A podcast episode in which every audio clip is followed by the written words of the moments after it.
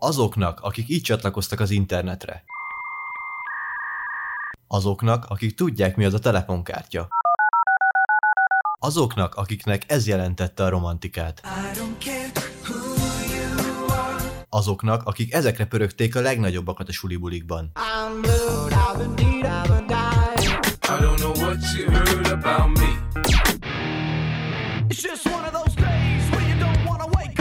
És akiknek erre hasadt meg a szíve egy-egy tini románc után. És azoknak, akiknek ugyanúgy kellemetlen volt a Crazy Frog, mint nekem. Megnyitott az Y Klub. Tartsatok velem az Y generációs élményekért. Kedves hallgatók! A mai műsorban abszolút tévés nosztalgia lesz, ugyanis sorra veszek néhány ikonikus főcímet a magyar televíziózás közel 70 évéből. Tenném mindezt egy kicsit játékos formában, úgyhogy lejátszom a szignál részletét, vagy egészét, hoztól függően, hagyok egy pár másodperces gondolkodási időt, amikor is lehet gondolkodni és rákiabálni a megoldást a rádióra, telefonra, számítógépre, bármire, pont úgy, ahogy régen a legyen ön is milliómos alatt a nézők túlnyomó része tette mindezt a tévével. Kezdjünk is neki, játszom az elsőt.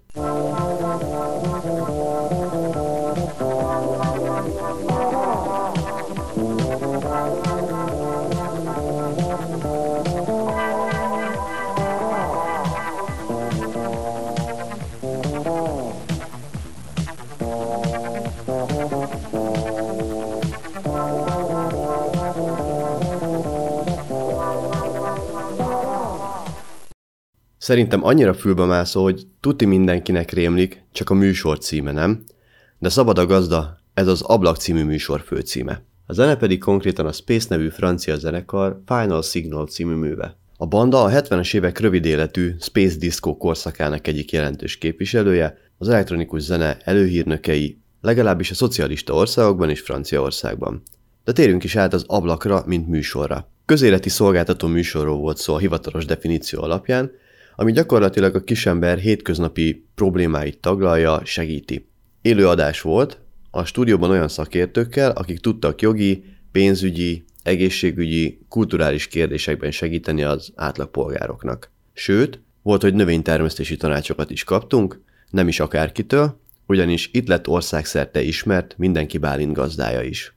Aktuális közéleti problémákkal és kérdésekkel foglalkozó riportokkal operált, az utca is bevonva, igyekezve egyfajta önmagunkért kiálló mentalitást nevelni a köztudatba. De erről az egyik főszerkesztő műsorvezető, Feledi Péter pontosabban tud nyilatkozni. Idézem, honfitársaink között a civil kurázsit, a polgári öntudatot próbáltuk ébrezgetni, merjenek vitatkozni, ellenmondani. Sok esetben áttételesen politika közeli témákat dolgoztunk fel, szimbolikus körítéssel, olyan módon, hogy egyértelműen voltunk kétértelműek. Ebből meglehetősen sok esetben támadtak egyébként konfliktusaink. Déri János műsorvezetésével indult 1981. januárjában, és egészen 2009. decemberéig ment a műsor, sajnos Déri nélkül ő 1992-ben elhunyt. A műsor egybefort a nevével, utána még úgy, ahogy 2000-ig fennmaradt, de az utána következő műsorok csak próbálták a szellemiséget követni, de nem igazán jártak sikerrel. Péntek este hatkor ment a műsor, először két hetente, majd hetente, sajnos releváns utódja nincs az elmúlt években, helyét átvette a szakértők nélküli rész és hamis információkkal való közösségi médián és fórumokon történő okoskodás. És most jöjjön a következő szignál. Fülelésre fel.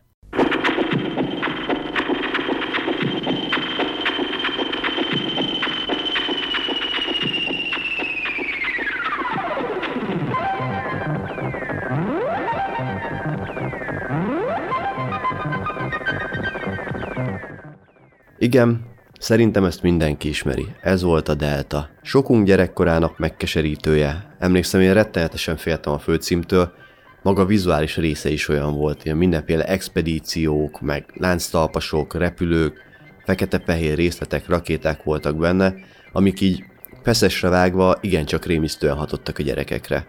A zenéről nem is beszélve. Tom Disevelt és Kid Baltan Song of the Second Moon 1957-es műve a főcímdal, ami egyébként egy zenetörténeti mű, mivel ez az egyike az első teljesen elektronikus zenéknek. Az Electrosonics néven is működő duó a Philips holland kutatólaboratóriumában dolgozott, és saját kísérleti eszközeikkel, modulátoraikkal állították elő ezeket a különleges effekteket, zenéket. Az elektronikus zene azon belül is a Space Disco alműfaj hivatkozási alapként tekint a holland páros munkásságára. Érdekesség, hogy egy Jugoszláviából származó bakerit lemezen került elő a zene, és évtizedekig senki nem tudta ki az eredeti szerző, még a 90-es évek elején sem, amikor itthon készült belőle egy vonós feldolgozás. De visszatérve a Deltára, az eredeti 1964 és 1996 között ment, 1976-tól színesben. A műsor a Magyar Televízió negyedik tudományos műsora volt, ez lehetett az oka annak, hogy a Delta nevet kapta, amely a görög ABC negyedik betűje. A műsor küldetése az volt, hogy a legfrissebb tudományos eredményekről, az új technikai vívmányokról tájékoztassa a nézőket, a nyugati világ tudományos eredményeit, újdonságait ismertette. És ha Delta, akkor Kudlik Júlia, a második évtől, azaz 1965-től egészen 1996-ig vezette a műsort, jellegzetes búgó orgánuma mindenkibe beégett, utánozhatatlan személyiség és tehetség. Mivel az egész műsornak volt egy sötét tónusú, baljós, rideg érzete, továbbá dr. Bőzsöny Ferenc legendás rádiós és televíziós bemondó narrátoros hangja sem tette a gyerekek kedvencévé, így nem túl pozitív emlékeim vannak erről a műsorról. De az arra fogékony felnőttek egy nagyon felkészült, naprakész és hiánypótló műsort kaptak minden vasárnap délután négykor. Jöjjön a következő főcím, valószínűleg ez is sokaknak ismerős lesz.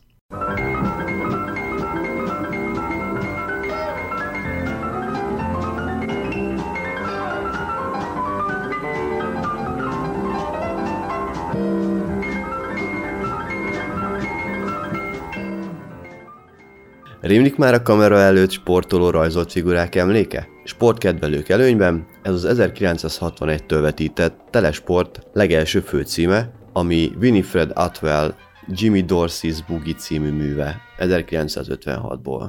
A szignálvégi dob és fanfár már a magyar televízió kiegészítése. Az eredeti zenét előadó hölgy egy trinidadi gyógyszerésztanonc volt, aki másodállásban zongorázott csak. Amerikai tanulmányai után 40-es évek végén áttette székhelyét Nagy-Britanniába, ahol az 50-es években hatalmas sztár lett, több mint 20 millió eladott lemezzel a háta mögött. Érdekesség, hogy ő volt az első fekete előadó, aki a brit kislemez toplista első helyére felkerült. Az animáció pedig Mata János és Mihály Zsuzsa munkája. Mata János neve sokaknak ismerős lehet, ugyanis neki köszönhetjük a Kukori és Kotkoda és a Mikrobi című mesesorozatokat. A legenda szerint a római parton a térdén rajzolva skiccelte fel azt a kerekfejű figurát, ami aztán a főcím alapja lett, és 1970 körül el is kezdték alkalmazni. Egészen 1988-ig ezt használták, de a szellemisége és a zenéje még sokszor visszaköszönt a későbbi változatokban is. A telesport, mint műsor pedig a sporthírek elsődleges televíziós beszerzési forrása volt,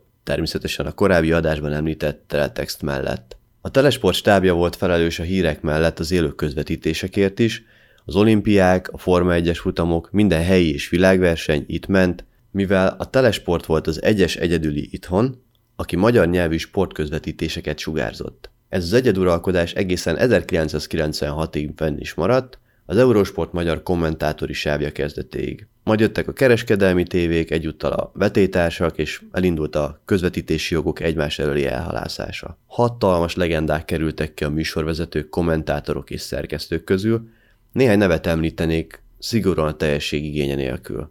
Itt kezdett Radnai János, Vitrai Tamás, Gyulai István, Knézi Jenő, Palik László, Hegedűs Csaba, Szújó Zoltán, Hajdú B. István és Héder Barna is. A műsor egészen 2015-ig ment a televízióban, de az M4 Sport csatorna indulása elvette a létjogosultságát. És most jöjjön a következő szignál.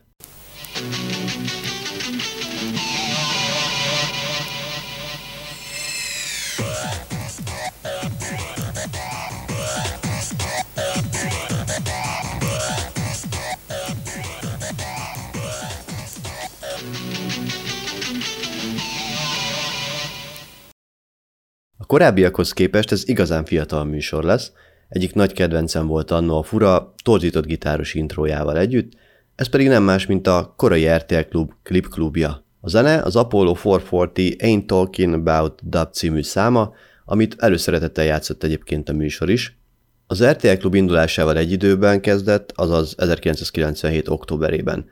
Nekünk falusi gyerekeknek ez hatalmas szó volt, mert akinek nem volt parabolája, német zenecsatornája, kábel tévéje, egyszerűen nem jutott hozzá a friss klippekhez, vagy egyáltalán bármilyen kliphez. Úgyhogy tök jó volt, hogy minden hétköznap délután, konkrétan suli után 2-3 körül ment az új összeállítás, aminek az ismétlése következő nap délelőttjén ment le. A műsor éléről ismerős lehet Baltavári Norbi, Palotás Petra, vagy pedig László M. Aki egyébként a Ladány Bene 27 énekese is. Rendeztek egy-egy zenekarhoz, előadóhoz kapcsolódó napokat, például Britney nap, VIP nap, stb. Akadtak klippremierek, hazai élőfelvételek és aktuális trendi muzsikák is, szóval minden, mi szemszájnak ingere volt akkoriban. A Klipklub két év működés után megszűnt, átvette helyét a Bravo TV, de erről majd egy másik epizódban. Ma ezekkel a főcímekkel készültem, lehet, hogy a jövőben még lesz egy pár ilyen, mert rengeteg ilyesmi van a tarsolyomban. Köszönöm, hogy meghallgattatok, a kedvenc podcast lejátszóitokban megtaláltok és fel tudtok iratkozni az Y Klubra, megtaláltok még Instagramon is, ahol igyekszem most már egyre többet posztolgatni a Y Klubos emlékeinkről. Maradjatok nosztalgikusak, köszi még egyszer, sziasztok!